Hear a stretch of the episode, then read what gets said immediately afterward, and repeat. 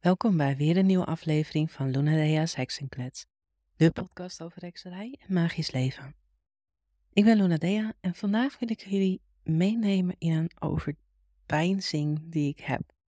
Het is namelijk zo dat op de Facebookgroep die ik heb, Luna Dea's Heksenketel, ik moet het niet door elkaar halen met hier, de heksenklets, maar Luna Dea's Heksenketel, dat is een forum dat ik heb op Facebook, een Facebookgroep, die al tien jaar bestaat inmiddels. Echt super lang. Maar wat ik merk is dat de laatste maanden er echt heel veel vragen worden gesteld over wat voor symboliek heeft dit of dat. Dan is er een veer gevonden of een bloemetje die heel veel op ons pad komt. Of er ligt ineens een steentje op de stoel als je naar buiten stapt. Nou, heel veel. Ik heb dit gevonden. Welke betekenis heeft dat? En Weet je, ik ben voor symboliek. Ik geef ook altijd aan dat symboliek vind ik een heel belangrijk iets in hekserij. Symboliek geeft diepgang aan je hekserij en symboliek zorgt ervoor dat het leven magisch wordt, dat je magie gaat zien en herkennen om je heen. Maar soms is een veer gewoon een veer. Soms is het heel logisch dat je heel veel veren vindt, omdat de vogels een ruipperiode hebben. Soms is het heel logisch dat je overal nootjes vindt, want het is herfst en het is de tijd dat de nootjes loslaten. Soms is het gewoon heel logisch dat je heel veel stenen vindt als je in de buurt van een stenenpad woont. En dan betekent het niet dat als je dan toevallig één steen midden voor je voordeur hebt liggen, dat het een extra betekenis heeft. Het kan hè. Het kan best zijn dat het op dat moment wel een betekenis voor je heeft, als je dat echt zo voelt. Als je echt voelt van hé, hey, maar dit, dit klopt niet, dit is anders, dit nu heeft het een betekenis. Dan heeft het een betekenis, maar niet iedere keer als je een steentje vindt. Want als je in de buurt van een grindpad woont en er fietsen allemaal mensen doorheen, dan springen al die steentjes alle kanten op. En dan is het heel logisch dat je heel vaak steentjes vindt. Als het ruiperiode is en je woont in de buurt van een plas waar heel veel eenden zwemmen, dan is het logisch dat je heel veel veren vindt. En ik ben best wel een nuchter heks ik kijk er echt op die manier naar. Er werd bijvoorbeeld ook een vraag gesteld van ik zie ineens heel veel hortensia's. Die vallen me echt heel erg op. Dan denk ik, maar het is zomer. Het is het moment dat alle hortensia's bloeien. Dan is het logisch dat je ze heel veel ziet. Dan heeft het niet gelijk een betekenis. Ja, het universum, je onderbewustzijn stuurt je tekens als het nodig is. Je gidsen laten je tekens zien als het nodig is om tekens te zien. Maar ga je voor jezelf ook eens na of het echt een teken is wat je krijgt of dat het gewoon logisch is dat iets daar ligt. Het is een teken op het moment dat jij met een kwestie loopt en hebt gevraagd om een teken. Dan ga je tekens op je pad krijgen. Het is een teken op het moment dat nou ja, misschien heb je er niet om gevraagd, maar zit je wel met een hele moeilijke kwestie, loop je al heel lang te dubbel over iets en heb je echt het idee van, nou, ik moet nu een keer echt knopen gaan doorhakken. Dan kan het zijn dat je extra tekens gaat ontvangen, omdat je gidsen je daarbij willen helpen. Op die manier kijk ik naar tekens in symbolen die eventueel op mijn pad kunnen komen. En ik merk het ook aan mezelf als iets een teken is of als het een veer is. Ik heb de signalen van mijn onderbewustzijn leren kennen. Als ik een veer vind, maak ik altijd een overweging van is het ruiperiode, dan is het gewoon een veer wat ik op mijn pad vind. Ik maak ook de overweging in mijn hoofd en dat gaat echt in een split second, hè, die overweging. Dus het is niet dat ik bij elke veer heel uitgebreid ga staan dubben van welk seizoen is het nu? Is het een ruiperiode? Heb ik een vraag gesteld? En dat gaat echt in een split second, vliegen al die dingen door mijn hoofd. Ik weet wanneer het een teken is als er een veer op mijn pad ligt, omdat ik dan tintelingen voel op mijn rug.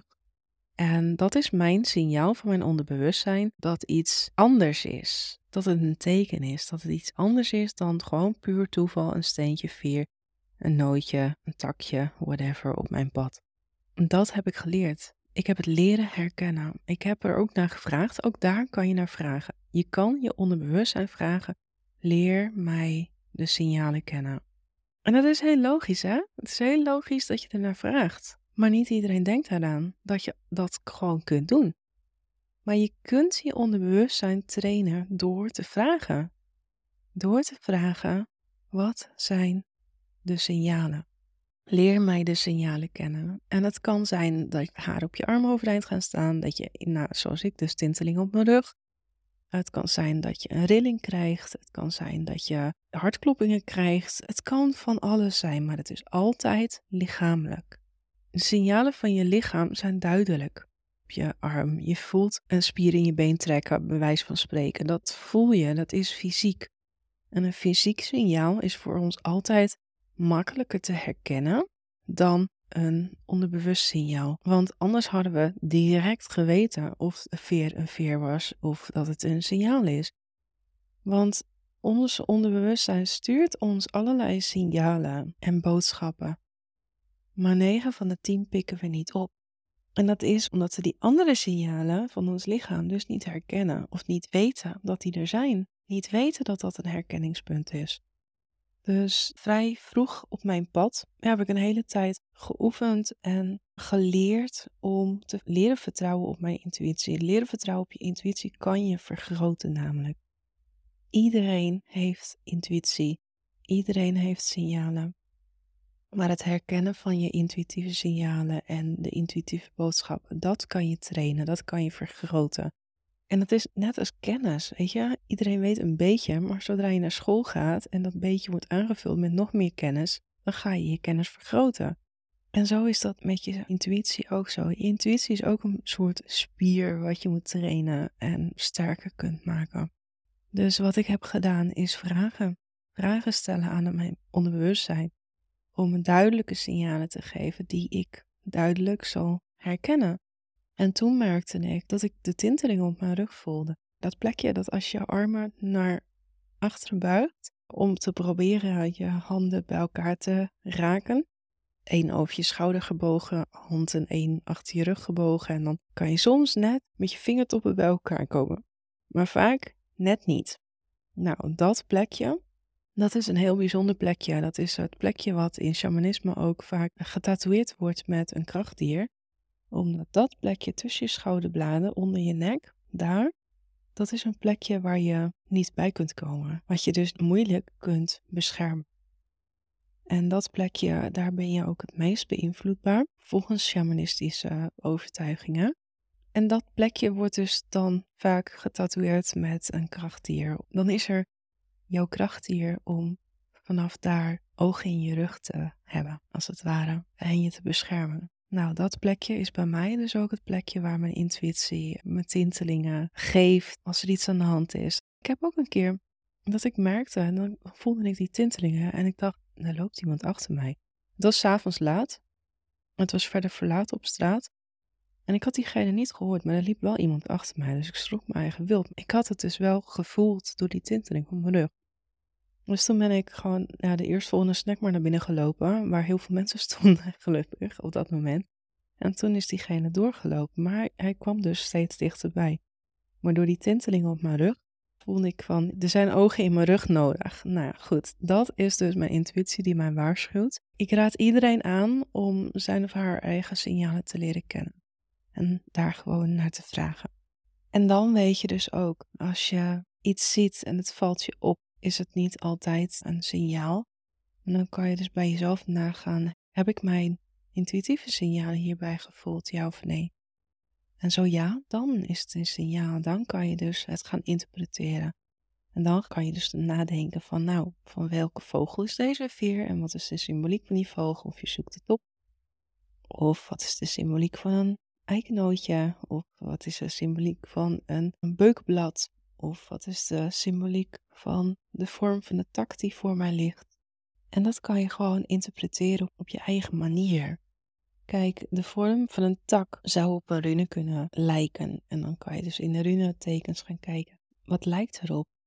Maar je kan het ook helemaal zelf intuïtief interpreteren. Het hoeft niet op iets bestaans te lijken natuurlijk, om een betekenis te geven. Je kan het ook zelf intuïtief gaan bekijken. Van als het een, bijvoorbeeld een tak met een ijsplitsing is, nou sta jij op een ijsplitsing, sta jij op een kruispunt en zul je een keuze moeten maken.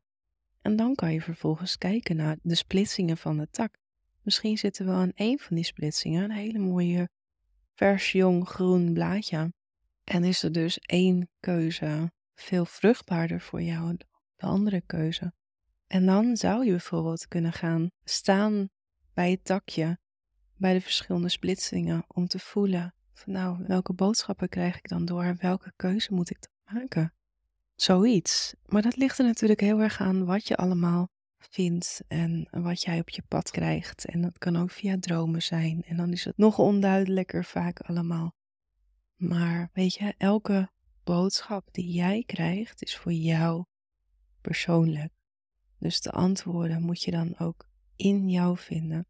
En je kunt natuurlijk bronnen raadplegen, zoals een forum, zoals websites, zoals droomduidingen, etc. etc. Maar voel dan altijd voor jezelf in van oké, dit zijn de algemene betekenissen van een veer, een vogel, een hond, whatever. Maar is dat ook voor mij zo? Kijk, er kan altijd wel gezegd worden van een hond staat voor trouw en vriendschap en vriendelijkheid. Maar ik zeg ook altijd, dat heb ik ook in de les over symboliek voor mijn studenten geschreven.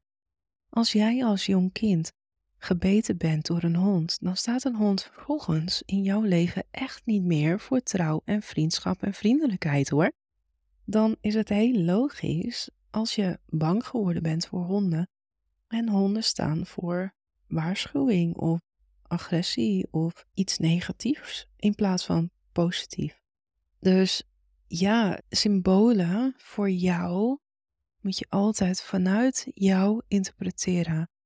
En ongeacht wat er overal op het internet of in boeken wordt geschreven, als jij negatieve associaties bij een hond hebt, staat het dus echt niet voor trouw en vriendschap. Dus ook daarin mag je in jezelf gaan voelen en voor jezelf gaan interpreteren. Wat klopt voor mij wel?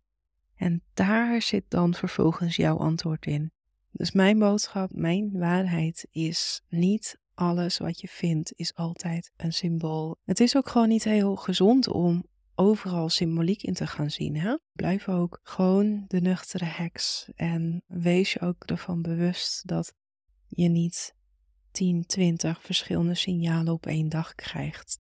In het begin zei ik, dat is wel zo, en dan je pikt er maar één op. Maar het is ook niet de bedoeling dat je alle twintigste signalen oppikt.